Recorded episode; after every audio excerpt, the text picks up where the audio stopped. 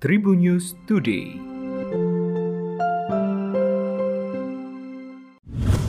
Tribuners, Anda sedang menyimak Tribun News Podcast, rangkuman informasi terkini mulai dari kabar nasional, ada informasi seputar pesawat latih jatuh di Selat Madura.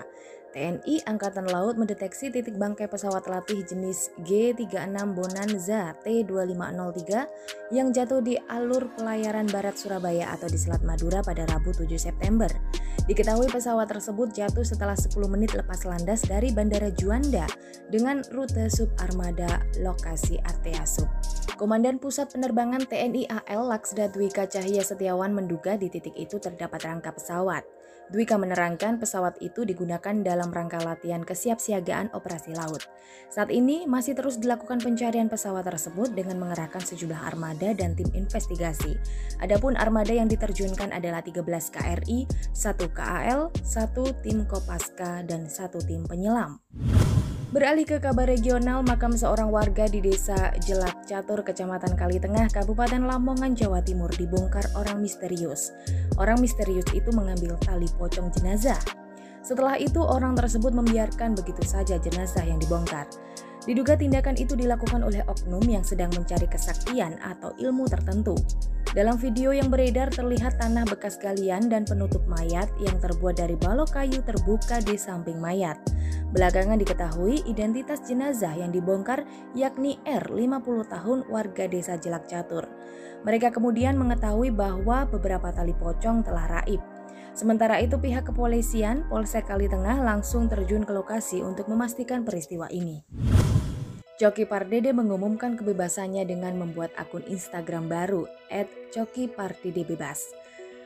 Melalui akun Instagram barunya itu, Coki mengungkapkan jika akun lamanya disuspend karena HP-nya menjadi barang bukti. Tak cuma itu, Coki juga menyinggung soal lunasi hutang hingga menyebut dirinya sahabat BNN. Dalam foto yang diunggah empat hari lalu, Coki menyinggung soal utang kantor dan memperkaya diri. Melalui potret itu, Coki berpose mengenakan jaket dengan kacamata hitam. Ia juga memegang segelas minuman. Sementara itu di bio Instagramnya, Coki juga meminta pengikutnya untuk membagikan akun barunya ini.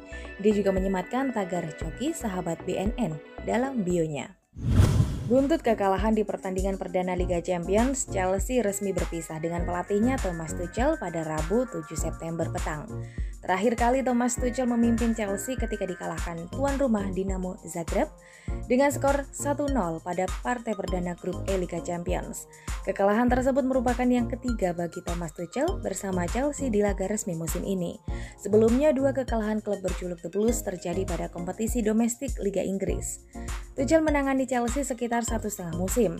Awal kedatangannya pada 26 Januari 2021 dan berpisah 7 September 2022.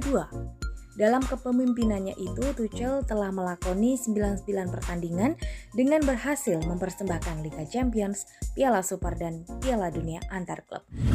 Informasi selengkapnya dapat Anda simak di episode Tribun News Podcast berikutnya. Tribun News Today.